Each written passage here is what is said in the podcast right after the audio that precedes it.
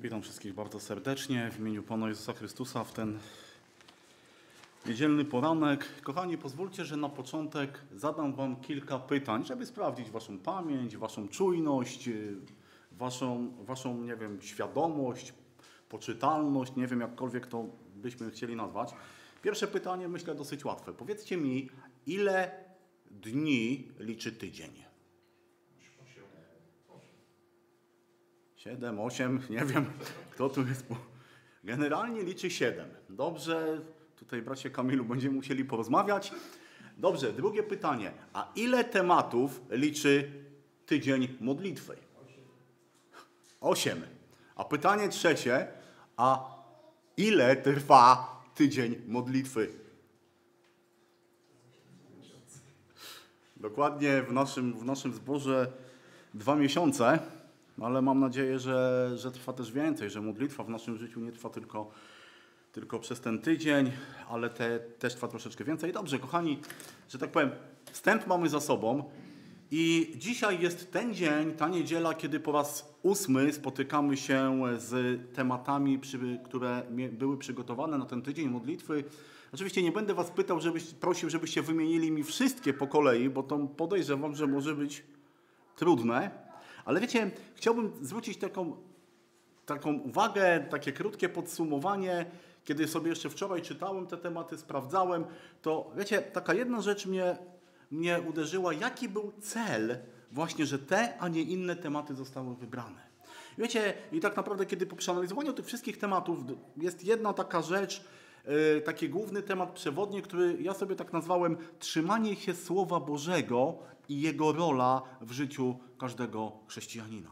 To był jakby sens, którzy bracia, którzy to przygotowali, w ten chcieli zwrócić moją, naszą, Twoją uwagę na Boże Słowo, na Jego moc, na Jego sens i na Jego rolę w moim i Twoim życiu.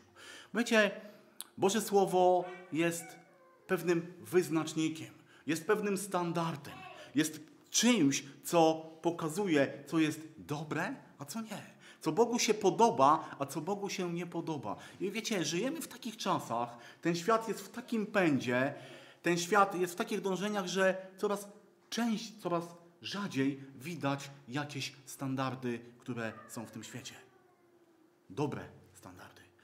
Powiem więcej, coraz częściej zdarza się tak, że to, co dla świata było dobre 5, 10, 15 lat temu, dzisiaj nie jest dobre. Dzisiaj nie jest modne. Te standardy, brak autorytetu, brak fundamentu zmieniają się właściwie z dnia na dzień. Świat lansuje taki pogląd, że tak naprawdę ty sam dla siebie jesteś fundamentem, autorytetem i to, co ty myślisz, to, co ty robisz, to, co ty planujesz, jest słuszne i nikt i nic nie może się do tego mieszać, wtrącać i tego negować. To są standardy, które dzisiaj panują na świecie. Drugą rzecz, jaką zauważyłem, że też w niektórych kościołach, w niektórych zborach, w niektórych y, społecznościach też, wiecie, robi się taki trend, w którym y, Kościół, zbór przestaje trzymać się nauki Bożego Słowa. Ale co więcej, zaczyna iść za naukami swoich przywódców, za zaczyna bazować na swoim jakimś doświadczeniu, na swoim przeżyciu, na swojej emocji. I kiedyś widziałem taki, czy czytałem taki artykuł z pewnym człowiekiem, z pewnym pastorem, przełożonym, już nie pamiętam kim on był. I właśnie zadano mu tam takie pytanie, no dobrze, ale co jeżeli twoje doświadczenie, jeżeli twoja, to co przeżywasz, odczuwasz, jest sprzeczne z Bożym Słowem? Wiecie, on powiedział coś takiego, hmm, jeżeli to jest niezgodne z pismem, to tym gorzej dla pisma. Wiecie, no, można powiedzieć, witki opadają, tak, ręce opadają. Człowiek, który mówi, jestem Bożym mężem, jestem chrześcijaninem, mówi, jeżeli moje pragnienia, moje odczucia, moje doświadczenia są inne niż pismo, to znaczy, że tym gorzej dla pisma. I trzecia rzecz, jaką zobaczyłem, to wiecie, takie niebezpieczeństwo, które może nie jest niebezpieczeństwem w tego typowym, typowym słowa znaczeniu, ale wiecie, dzisiaj w internecie nie tylko mamy możliwość, dzięki mediom mamy możliwość bardzo często słuchać różnych kazań, wykładów, konferencji, koncertów, jakkolwiek byśmy tego nie nazwali. Wiecie, ja nie chcę powiedzieć, że coś takiego jest złe. Nie, to jest bardzo dobre. To jest bardzo dobrze, że możemy słuchać takich rzeczy, że możemy yy, właściwie, kiedy tylko chcemy, mieć kontakt z kazaniami, dobrymi kazaniami, z wykładami, ale wiecie, już to kiedyś powiedziałem z tego miejsca. I może to powtórzę, może Wam się to spodoba, może nie, ale wiecie, nic, nawet najlepsze kazanie, najlepszy wykład, najlepsza konferencja nie zastąpi Tobie osobistego czasu z Biblią. Nic. Może być świetne kazanie, może być piękny wykład, on cię będzie budował, ale on nigdy nie zastąpi ci tego czasu, kiedy jesteś ty, Boże Słowo, ty i Bóg. Wiecie, dzisiaj żyjemy w takich czasach, że bardzo pędzimy i czasem zaniedbujemy właśnie to, co jest najważniejsze. I dlatego może te tematy jakby kierowały moje i Twoje myśli do powrotu do czasu z Bożym Słowem. Wiecie, te tematy również miały nam pokazać jakby wielkość Boga, jaka jest objawiona w Bożym Słowie. Wiecie, nie można poznać, jeśli chcemy poznać Boga, to musimy Go poznawać przez to, co On nam zostawił. A jakby głównym źródłem poznania Boga jest Boże Słowo. Wiecie, nie wyobrażam sobie chrześcijanina, nie wyobrażam sobie osoby, która mówi właśnie o sobie, że jest osobą wierzącą, która zaniedbuje swój czas z Biblią. Jeżeli zaniedbuje swój czas z Biblią, zastanów się nad sensem swojego chrześcijaństwa. I też te tematy, które kierowały nas na Boże Słowo, wiecie, one miały takie podtytuły, które zmuszały nas do działania. Ja może je prze, przeczytam, bo też nie, nie pamiętam ich wszystkich, ale było tak. Czytaj, żyj, włącz się, zaproś, pomyśl, doświadcz, doświadcz, usłysz. To były te siedem, wiecie, i one kierowały nas na działanie. One były takimi hasłami, które miały zmusić mnie i ciebie do działania, do chęci poznawania Boga, do chęci nie tylko literalnego Jego poznawania, ale też do patrzenia na Niego, do szukania Jego woli i dopełnienia Jego woli w naszym życiu. I dzisiaj jest ósmy, ósmy temat, a mianowicie temat, który nazywa, który został zatytułowany Uwielbiaj. I tekstem źródłowym, który tutaj bracia nam wybrali do, do czytania, to jest y, Księga Izajasza, szósty rozdział i pierwsze trzy wersety, chociaż ja postaram się przeczytać troszeczkę więcej, żebyśmy, żebyśmy mieli jakby taką pełniejszą, pełniejszy obraz. Szósty rozdział i czytamy tam takie słowo. W roku śmierci króla Uzjasza widziałem Pana siedzącego na tronie wysokim i wzniosłym, a kraj jego szaty wypełniał świątynię. Jego orszak stanowiły serafy, z których każdy miał po sześć skrzydeł. Dwoma y, zakrywał swoją twarz, dwoma nakrywał swoje nogi i na dwóch latał i wołał jeden do drugiego Święty, święty, święty jest Pan zastępów, pełna jest, wszystkie, y, pełna jest wszystka ziemia chwały Jego i zatrzęsły się progi w posadach od tego potężnego głosu, a przybytek napełnił się dymem i rzekłem, biada mi, zginąłem, bo jestem człowiekiem nieczystych warg i mieszkam pośród ludzi, nieczy, ludu nieczystych warg. Gdyż moje oczy widziały króla Pana zastępów, wtedy przyleciał do mnie jeden z serafów, mając w ręku rozżarzony węgielek, który szczypcami wziął z ołtarza i dotknął moich ust i rzekł, oto dotknęło to Twoich warg i usunięta jest Twoja wina, a Twój grzech odpuszczony. Wiecie, kiedy Izajasz widział tą wizję, zastanówmy się, co tak naprawdę on zobaczył. On zobaczył Boga w Jego chwale. On zobaczył Boga w Jego majestacie. On zobaczył Boga w Jego świętości. Wiecie, i jedyną jaką reakcją, jaką mógł zrobić, to była właśnie to, co on zrobił. Uświadomił sobie wielkość Boga, Jego potęgę, Jego moc i z drugiej strony popatrzył na siebie na swoją grzeszność, na swoją niedoskonałość i jedyne, co mógł zrobić, to dojść do przekonania, skinąłem. I widzimy dalej, co się dzieje. Oto Pan Bóg prawda, pozwala mu, aby został oczyszczony. Wiecie, i tak samo taka ta świadomość, jaką miał Izajasz, myślę, że powinna towarzyszyć każdemu z nas. Kiedy czytamy Biblię, kiedy czytamy Boże Słowo, powinniśmy, widzimy tam ten Boży majestat, Bożą potęgę, Bożą moc, Bożą chwałę. I widzimy siebie. Wiecie, i gdyby nie to, że zostaliśmy oczyszczeni przez krew Pana Jezusa Chrystusa, to nasza reakcja powinna być taka, jak reakcja Izajasza. Ale jakże to wielka Boża łaska, że nie musimy tak na siebie patrzeć. Że czytamy, że krew Jezusa Chrystusa oczyszcza nas od wszelkiego grzechu. Że jesteśmy przemienieni, że jesteśmy zmienieni Bożą łaską. Bo tak ten wielki Bóg, ten święty Bóg tak bardzo mnie i Ciebie kocha. Wiecie, i co możemy z tym zrobić? Co możemy zrobić z tą wielką łaską, jaką Bóg nam daje? Jaka, jaka może być nasza reakcja? kiedy sobie to uświadomimy. Wiecie, jedyną słuszną reakcją jest to, że chcemy, pragniemy uwielbiać Boga. Że w naszym sercu powinno rodzić się, powinna rodzić się chęć uwielbiania Go, dziękowania Mu, oddawania Mu czci, oddawania Mu chwały. Mamy Go uwielbiać. Wiecie, i kolejne pytanie, tak żebym sprawdził Waszą czujność. Co to, według, co to znaczy słowo, jaka jest słownikowa definicja słowa uwielbienie? Albo uwielbianie.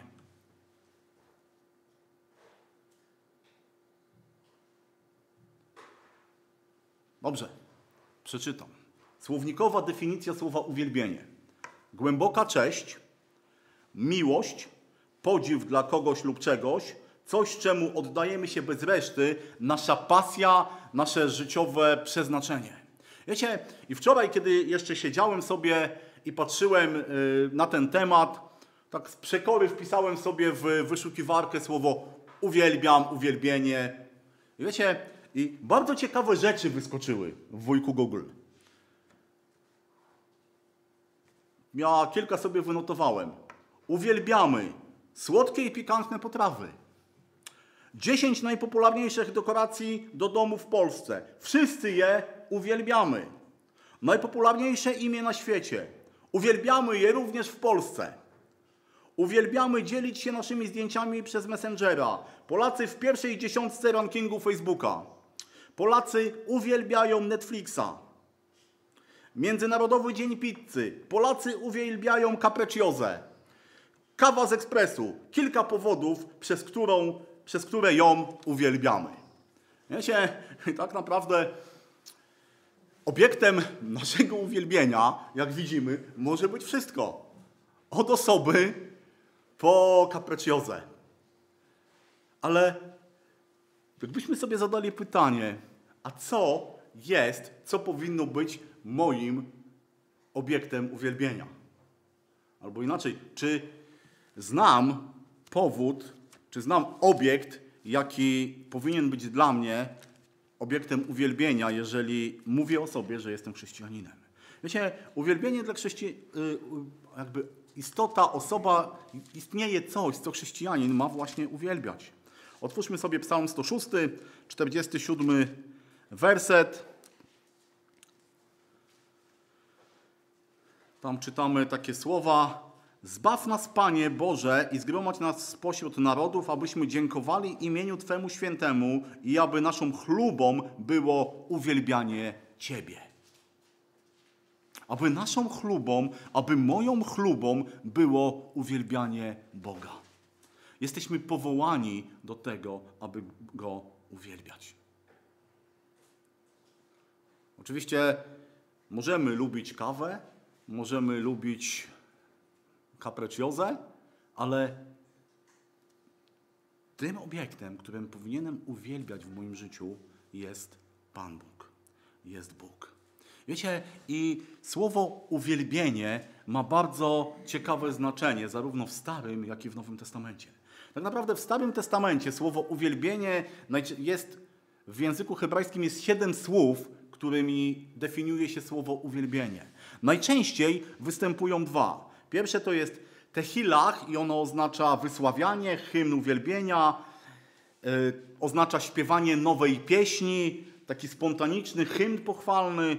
Drugi, tem, drugi, drugie słowo to słowo Halal, to od tego pochodzi słowo halleluja i ono oznacza też szczycić się, chlubić, żyć w uniesieniu.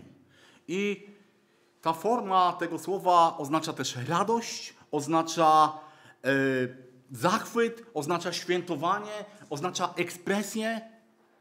I w Nowym Testamencie najczęściej używane słowo to jest słowo proskuneo, i które też oznacza upadać przed, ukłonić się przed, oddawać cześć, darzyć szacunkiem.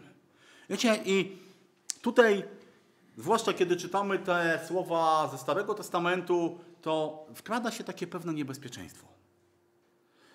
Powiedzcie, pozwólcie, że podzielę się taką pewną historią, fragmentem rozmowy, którym kiedyś miałem z taką pewną siostrą. Rozmawialiśmy i ona w, w, w pewnym momencie powiedziała coś takiego, że um, nie lubię chodzić do mojego zboru, to nie był nasz zbór, od razu uspokoję, nie lubię chodzić do mojego zboru, ponieważ jest tam słabe uwielbienie. Wiecie, i tak zacząłem drążyć ten temat, co to znaczy, że jest słabe uwielbienie. I okazało się, że uwielbienie w pojęciu tej siostry, ale nie tylko w jej, bo coraz częściej widzę taki, y, jakby taki prąd, taki trend, że uwielbienie to jest coś, co się nazywa czasem uwielbienia. Y, mamy służbę uwielbienia, mamy lidera uwielbienia i prawda, mamy czas uwielbienia od 10 do 10.40 y, śpiewamy, gramy i tak dalej i to jest czas uwielbienia. I wiecie, właśnie dla wielu czas uwielbienia to czas tylko i wyłącznie czas pieśni, jakiejś muzyki. Coraz częściej, żeby było dobre uwielbienie, to trzeba wprowadzać dodatkowe elementy. Czasem ogląda się transmisję z jakiegoś zboru i wiecie, i się człowiek zastanawia, czy to jeszcze kościół, czy już dyskoteka. Jakieś światła, dymy, flagi. Yy, powiem szczerze, czekam jeszcze tylko na tancerki i i oczywiście, słuchajcie, ja nie chcę powiedzieć, że muzyka jest czymś złym. Nie. Oczywiście, że nie. Wspaniale jest słuchać wspaniałe pieśni. Wspaniale jest dziękować Bogu w pieśniach i tutaj grupy muzyczne, ja przepraszam, tak, ja nic do was naprawdę nie mam, ale wiecie, dla wielu właśnie uwielbienie to jest ten czas tylko pieśni, śpiewania i to wszystko. Czyli co? Jeżeli kończy się nabożeństwo, a ty nie śpiewasz, nie, nie ma show, nie ma skakania, to co? Nie ma uwielbienia? Dzisiaj jak ostatnio czytałem, yy, czy słuchałem, przepraszam, tej historii z Korei Północnej, że tam bardzo często ci ludzie to śpiewają sobie po cichu w duchu. To co? Nie uwielbiają Boga? Te hebrajskie i greckie słowa na uwielbienie, wiecie, one nie oznaczają tylko zewnętrznej formy. To one nie oznaczają tylko jakiegoś specjalnego sposobu zachowania się one wyrażają coś więcej. One wyrażają postawę, one wyrażają nastawienie Twojego serca. I oczywiście wspaniale jest radować się i śpiewać, wspaniale jest klaskać podczas pieśni, jeżeli tak czuje Twoje serce. Ale wiecie, pewien lider e, jednego zboru powiedział coś takiego. Miarą uwielbienia nie jest to, jak wysoko uda Ci się podskoczyć w trakcie pieśni, ale to, jak prosto będziesz szedł, kiedy już spadniesz na ziemię. To jest miarą uwielbienia. Nie to, jak głośno, jak ekspresyjnie będziesz śpiewał, aczkolwiek jest to pewna forma, ale miarą prawdziwego uwielbienia jest to, że Twoje serce, Twoja postawa, Twoje myślenie idzie za Bogiem. Księdze Izajasza też w 29 rozdziale czytamy właśnie takie słowa, które też przestrzegają nas przed taką formą. Trzynasty werset. I rzekł Pan, ponieważ ten lud zbliża się do mnie swoimi ustami, czci mnie swoimi wargami, a jego serce jest daleko ode mnie, tak, że ich bojaźń przede mną jest wyuczonym przepisem ludzkim. Wiecie, można się nauczyć robić pewne formy uwielbienia, ale to nigdy nie będzie uwielbienie. To nigdy nie będzie pełne uwielbienie. W takim razie możemy sobie zapytać się, co jest sensem uwielbienia? O jakie uwielbienie chodzi Bogu? Wiecie, czasem jest tak, że my, nam się wydaje, że pewne rzeczy wiemy, znamy, ale okazuje się, że jakby druga strona wcale tego nie oczekuje. Jakiego uwielbienia oczekuje ode mnie i od Ciebie Bóg? I chciałbym, żebyśmy sobie popatrzyli teraz do Ewangelii Jana, czwarty rozdział, bardzo znana historia, kiedy Jezus rozmawia z pewną niewiastą, z Samarytanką, z kobietą, która miała duże, bardzo dużo zagmatwania w swoim życiu i w pewnym momencie ich rozmowa schodzi właśnie na temat uwielbiania Boga, na temat oddawania Mu czci. I tam czytamy takie słowa, Jezus mówi do tej kobiety, ona się pyta go najpierw, a gdzie, ma, gdzie mamy oddawać cześć? I Jezus powiedział tak, lecz nadchodzi godzina i teraz jest, kiedy prawdziwi czciciele będą oddawali Ojcu cześć w duchu i w prawdzie, bo i Ojciec takich szuka, którzy tak by Mu cześć oddawali. Bóg jest duchem, a ci, którzy Mu oddają cześć, winni ją oddawać w duchu i w prawdzie.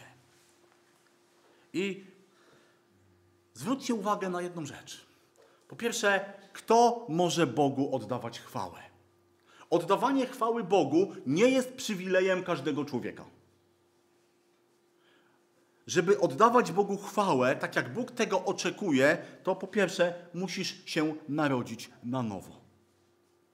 Jeżeli nie narodzisz się na nowo, jeżeli nie jesteś zbawionym, odrodzonym człowiekiem, jeżeli nie masz Ducha Świętego, nie masz możliwości oddać Bogu chwały w liście do Koryntian, pierwszy rozdział, drugi werset 11, drugi rozdział, 11 werset czytamy, tak samo kim jest Bóg, nikt nie poznał, tylko Duch Boży. Jeżeli nie masz Ducha Bożego, nie możesz poznać, kim jest Bóg. Jeżeli nie, nie możesz poznać, kim jest Bóg, nie możesz Mu oddawać czci. Wiecie, to jest troszeczkę tak, może ktoś się powiedzieć, no ale jak to? No ja zadam Wam kolejne pytanie. Kto z Was zna Roberta Lewandowskiego. No właściwie tak naprawdę każdy wie, kto to jest Robert Lewandowski. Nawet Włodzimierz nie kręci głową. A więc nawet Włodzimierz wie, tak? I Włodzimierz wie. Prawda? I wiemy, jak on wygląda, wiemy, co robi, yy, ale tak naprawdę kto z nas może w tym momencie wyjąć swój telefon, wystukać numer i powiedzieć yy, Cześć Robert, co u Ciebie słychać? No i tak samo jest z Bogiem. Wielu ludzi mówi, że no tak, wie, ma, ma pewną wiedzę o Bogu, ale tak naprawdę nie zna Boga osobiście. Pierwszą rzeczą, jaką, jaka jest ważna w istocie uwielbiania Boga, jest to, że musisz się narodzić na nowo. Bez tego nie ma uwielbienia. Po drugie, zobaczcie, e, uwielbienie wymaga skupienia naszych myśli na Bogu i odnowienie nas przez prawdę. To, co tutaj Pan Jezus to, co Pan Jezus tutaj powiedział do tej kobiety, też mamy potwierdzone w liście do Rzymian, 12 rozdział, pierwsze dwa wersety, tam jest takie słowo, Paweł pisze, abyście składali swoje ciała swoje jako ofiarę żywą, świętą, miłą Bogu, bo taka winna być duchowa służba wasza, a nie upadabniajcie się do tego świata, ale się przemieńcie przez odnowienie umysłu swego, abyście umieli rozróżnić, co jest wolą Bożą, co jest dobre, miłe i doskonałe. Tylko wtedy, gdy nasze myśli odsuniemy od rzeczy światowych, a skupimy je na Bogu. Y, tylko wtedy, kiedy, że tak powiem, różne sprawy przestaną zaprzątać moją i Twoją głowę, kiedy będziemy szczerze przychodzić do Boga, kiedy nasze myśli będą kierowane na Niego. Kiedy, tak jak Psalm 119 mówi o Bożym Słowie, że rozmyślamy o Nim dniem i nocy, wtedy dopiero będziemy mogli uwielbiać Boga. To jest jakby kolejna rzecz. Wymaga skupienia naszych myśli na Bogu. Wymaga tego, żebyśmy pragnęli społeczności z Bogiem. Żeby to Bóg był tym pierwszym, ktoś kiedyś tak ładnie powiedział, że to Bóg ma być pierwszą osobą, do której wołasz, kiedy się obudzisz. Ma ci towarzyszyć przez cały czas i ma być ostatnią osobą, do której się odzywasz, kiedy idziesz spać. Kolejna rzecz, możemy uwielbiać Boga w duchu tylko wtedy, kiedy nasze serca są czyste, kiedy nasze serca są otwarte i kiedy nasze serca są skruszone. Pozwólcie, że przypomnę Wam taką historię pewnego człowieka ze Starego Testamentu. Miał na imię Dawid. wiecie, on był człowiekiem, który kochał Boga, ale w jego życiu zdarzały się też nieciekawe rzeczy. W pewnym momencie dopuścił się grzechu cudzołóstwa, i kiedy, wiecie, kiedy ten, ten, ten grzech dotarł do niego, kiedy doszło do niego, co zrobił, to wiecie, to on napisał po tym kilka psalmów. Ja nie chciałbym ich wszystkich cytować, ale wiecie, w tych psalmach, które on wtedy napisał, y, miał poczucie tego, że nie potrafi szczerze uwielbiać Boga. Że jego, w jego sercu jest coś zakłóconego. Że w jego sercu jest coś, co nie pozwala mu w pełni uwielbiać Boga. Wiecie, to było takie poczucie tego, że jest oddalony od Boga. I dopiero w momencie, kiedy wejrzał w siebie, dopiero w momencie, kiedy stanął przed Bogiem i kiedy, tak jak w 51 psalmie, właśnie w 19 wersecie napisał, ofiarą Bogu miłą jest duch skruszony. Dopiero wtedy, kiedy jego serce zostało skruszone, to mógł zacząć uwielbiać Boga. Kiedy relacja została odnowiona, kiedy grzech został wyznany. Wiecie, dzisiaj jako chrześcijanie, często czy nie często, ale zdarza nam się, że jawnie żyjemy w sprzeczności z Bożym Słowem. I wiemy o tym. Mamy świadomość tego i nic z tym nie robimy. Wczoraj na spotkaniu młodzieżowym żeśmy rozmawialiśmy sobie na temat małżeństwa, rodziny, partnerów. Wiecie, i Boże Słowo o pewnych rzeczach powiedziało tam bardzo wyraźnie, że masz wyjść za mąż za kogoś, kto jest w Panu. Boże Słowo mówi, nie angażuj się w związki z osobami, które nie są narodzone na nowo. I wiecie, i zwłaszcza młodzi ludzie mają ten pociąg do drugiej płci i bardzo dobrze, że ten pociąg jest, ale wiecie, angażują się w związki, które nie są biblijnie. I jako ludzie, wiecie, powiedziałem to wczoraj, powiedzieliśmy sobie coś takiego, że jakkolwiek byśmy tego nie usprawiedliwili, jakkolwiek byśmy tego nie próbowali, yy, nie wiem, wygładzać, jak głośno byśmy nie krzyczeli, że mamy rację, to fakt się nie zmienia. Boże Słowo mówi wyraźnie inaczej. I są, jest, są takie sytuacje w Twoim życiu, że doskonale wiesz, że robisz coś, co Bogu się nie podoba. Jeżeli nie wyznasz tego, jeżeli nie, twoje, twoje serce nie będzie skruszone, to Twoje uwielbianie Boga jest niewłaściwe. Bo mamy uwielbiać w duchu i w prawdzie. Ofiarą Bogu miłą jest duch skruszony. Wiecie, to uwielbienie i chwała dla Boga nie mogą płynąć z serc, które są przepełnione niewyznanym grzechem. To oznacza w duchu i w prawdzie. Kolejna rzecz, którą też ten fragment z Ewangelii Jana mówi, to jest to, że właśnie co to jest prawda, bo mamy uwielbiać w duchu i w prawdzie. I dzisiaj na świecie są różne prawdy. Każdy człowiek ma jakąś prawdę. Ale wiecie, kiedy patrzymy na Boże Słowo, to na przykład w Ewangelii Jana 17 rozdział 17 werset jest coś, coś takiego. Słowo Twoje jest prawdą. Psalm już wspominany 119 w wielu miejscach mówi: Słowo Twoje jest prawdą, słowo, zakon Twój jest prawdziwy, prawda jest treścią Twojego słowa. A więc, kochani, y, aby prawdziwie wielbić Boga, musimy zrozumieć, kim On jest. Musimy zrozumieć, jaki On jest. A wiecie, jedynym źródłem tego, żeby zrozumieć, jest Boże Słowo. Jedynym źródłem tego jest Boże Słowo. Uwielbienie jest oddawaniem Bogu chwały z głębi naszego serca. Bogu, którego poznaliśmy dzięki Bożemu Słowu. Jeśli nie znamy prawdy z Biblii, nie znamy Boga. Jeżeli nie potrafimy podporządkować się Bożemu Słowu, to tak naprawdę nie potrafimy, nie chcemy Go uwielbiać. W liście do Rzymian jest takie ostrzeżenie, że pewni ludzie poznali Boga. Chyba Piotrek nie podawałem Ci tego wersetu, ale spróbujemy go znaleźć.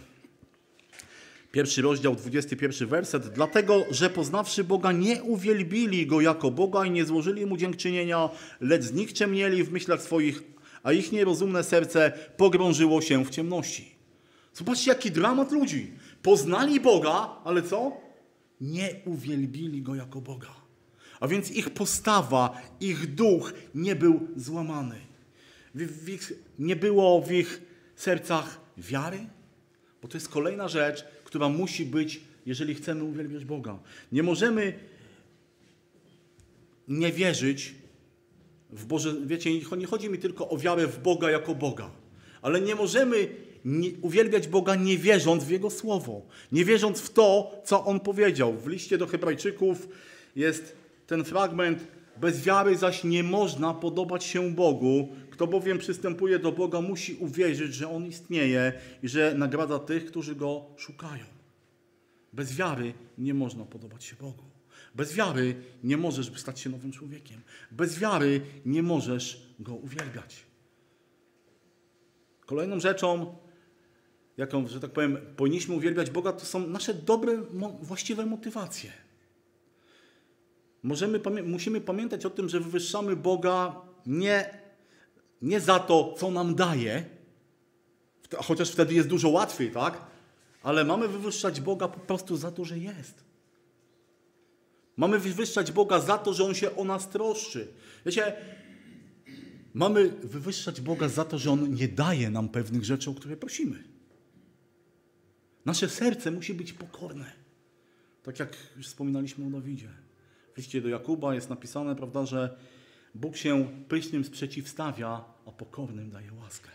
Ale bycie pokornym wobec Boga to jest przychodzenie do Niego na kolanach z dziękczynieniem, z uwielbieniem i z takim właśnie nastawieniem, że Panie Boże, niech Twoja wola się dzieje w moim życiu. I właściwie jedną z ostatnich rzeczy, jakie chciałem powiedzieć, to, że uwielbienie jest też duchową walką. Uwielbianie Boga jest duchową walką. Wiecie, dzisiaj wiele rzeczy y, będzie starało się nas odciągać od Boga. Wiecie, każdego dnia jesteśmy atakowani przez różne rzeczy, które nas odciągają od Boga. Znaczy, czy to nie jest dziwne? Znaczy, może u was tak nie jest. Ale wiecie, ja w moim życiu zauważyłem taki, taki fakt, że muszę walczyć o czas dla Boga w moim życiu. Że muszę o Niego walczyć. Że muszę zmuszać się czasem do tego, żeby mieć czas usiąść przy Bożym Słowie. Bo jesteśmy non-stop atakowani. Jeszcze to, jeszcze to, jeszcze tamto. Trzeba zrobić to, trzeba zrobić tamto, trzeba pójść tu. Zapominamy o najważniejszym. Wiecie, szatan będzie bardzo zainteresowany, żebyś nie poświęcał czasu Bożemu Słowu. Dlaczego? Właśnie dlatego, że po pierwsze, jeżeli nie poświęcasz czasu Bożego Słowu, Bożemu Słowu, to nie znasz Boga. To nie wiesz, czego On od Ciebie oczekuje.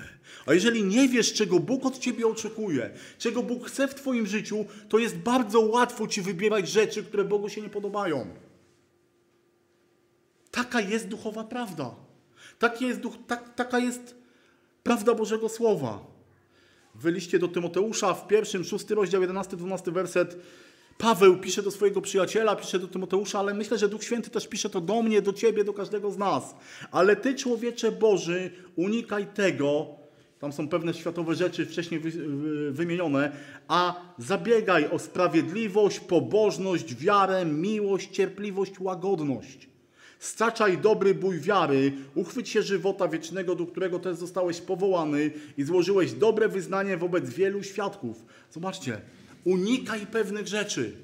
Kiedy będę unikał rzeczy, które są ze świata? Kiedy będę blisko Boga? Kiedy mój czas będę Jemu poświęcał, a nie swoim przyjemnościom, a nie swoim planom, a nie swoim ambicjom.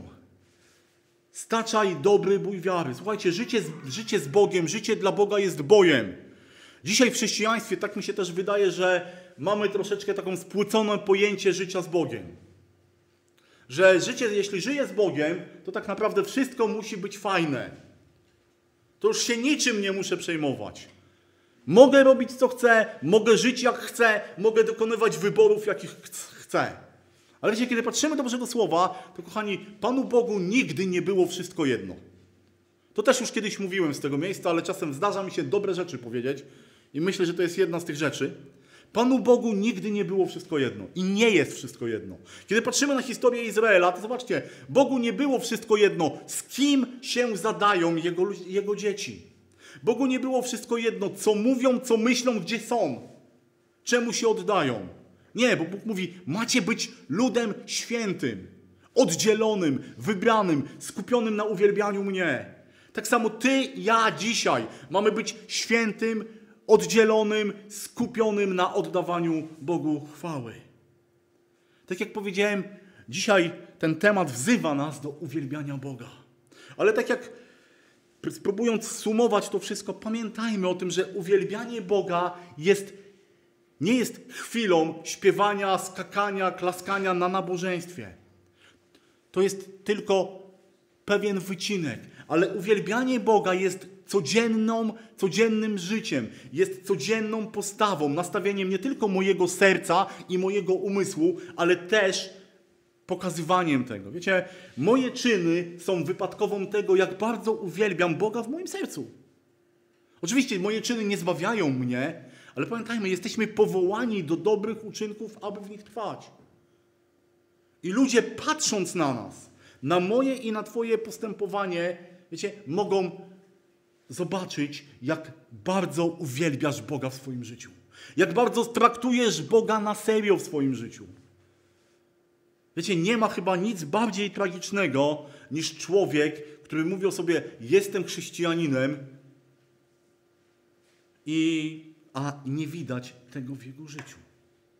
Nie widzą tego jego sąsiedzi, nie widzą tego jego przyjaciele, ludzie w jego szkole, pracy, a może, a może gorzej, widzą go w takich sytuacjach, w których nawet nie znając Biblii, dokładnie, a powierzchownie wiedzą, że nie powinni go spotkać. Uwielbianie Boga jest, tak jak powiedziałem, postawą serca. W Ewangelii Jana, 15 rozdział, 8 werset, czytamy takie słowo. Pan Jezus mówi do, do swoich uczniów, do przyjaciół taki, taki fragment, który też wydaje mi się dzisiaj mówi do mnie i do Ciebie.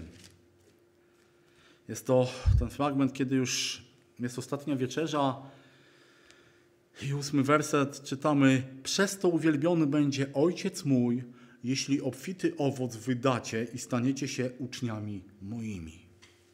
Przez to Bóg będzie uwielbiony w moim, Twoim, naszym życiu, jeżeli tak jak czytamy, jeśli zrobimy to, co mówi Pan Jezus. Jeżeli owoc obfity będziemy wydawać. I wiecie, ale to wydawanie tego owocu, to tak jak powiedziałem, to nie jest nasze myślenie, nasze wewnętrzne przekonanie, nasze duchowe, nasze, nie wiem, duchowy, duchowa strefa komfortu, ale to jest to, jak postępujemy, co robimy, co czynimy. Też posłużę się jednym cytatem. Chyba to napisał Marcin Luther, ale nie jestem pewien, więc może nie. Ale cytat jest taki. Prawdziwe uwielbienie to to, co robimy w codziennym życiu w relacji z Bogiem i innymi ludźmi. Nic tak Boga nie uwielbia i nie przynosi Mu tyle chwały, jak nasze pokorne z Nim przebywanie i świętość naszego życia. Bo do tego jesteśmy powołani. Wiecie, naszym powołaniem jest uwielbianie Boga, którego znamy. Uwielbianie Go w duchu i w prawdzie z wiarą, z pokorą, ze skruszonym sercem, z pamiętaniem, jak On jest wielki, jak On jest święty, jak bardzo nas kocha i jak bardzo chce, żebyśmy Go znali. Wiecie, Pan Bóg jest niesamowicie zainteresowany tym, żebyśmy Go poznawali. Dlatego zostawił nam swoje słowo. Wiecie, a ja dzisiaj odnoszę takie wrażenie, że mamy coraz więcej przekładów, coraz więcej narzędzi do poznawania Boga, a coraz mniej Biblii w naszych rękach, coraz mniej Biblii w naszym życiu, coraz mniej Bożego, Bożego, nie wiem, prowadzenia, nastawienia. Jeszcze raz, na koniec, nim rozumiem, zostaną wyświetlone tematy do modlitwy, chciałem właśnie przeczytać ten ostatni werset Przez to uwielbiony będzie Ojciec mój, jeśli obfity owoc wydacie i staniecie się uczniami moimi. Jeżeli obfity owoc wydacie. I mamy dzisiaj kolejne tematy do modlitwy. Tak jak widzimy, tutaj są wyświetlone i wiecie, wstańmy i, i módlmy się. Wołajmy do Boga, wołajmy o te, te tematy, uwielbiamy Boga za wszystko, z- kim On jest, uwielbiamy Boga śpiewając dla Niego, ogłaszając Jego moc, rozmyślając o Nim. Dziękujmy Bogu za niewysławiony dar w postaci Jego Syna. Prosimy, aby nasze uwielbienie było wolne od wszelkiej obłudy. Modlimy się o to, aby zbory i rodziny chrześcijańskie tętniły uwielbieniem Boga. Uwielbiamy Pana Boga, ponieważ Go kochamy, Bóg stworzył nas i obdarzył uczuciami. Dał nam umiejętności kochania, właśnie dlatego oczekuje, że będziemy służyć Mu z całego serca. To określa nasze zaangażowanie uczuciowe i miłość. Nie jesteśmy bezmyślnymi komputerami czy robotami. Gdyby tak było, całe nasze życie byłoby czystą mechaniką, fizyką i chemią. Nasze życie byłoby beznadziejne i nudne. Bóg dał nam możliwość przeżywania prawdziwej radości, możemy uwielbiać Go z miłości, z miłości do Niego. I sprawy dotyczące zborów. Dzisiaj modlimy się o zbory w Chrzanowie, Zamościu, Chrubieszowie, Opolu oraz o pracę misyjną wśród więźniów, o dzieci, młodzież w naszych zborach. Powstańmy i módlmy się.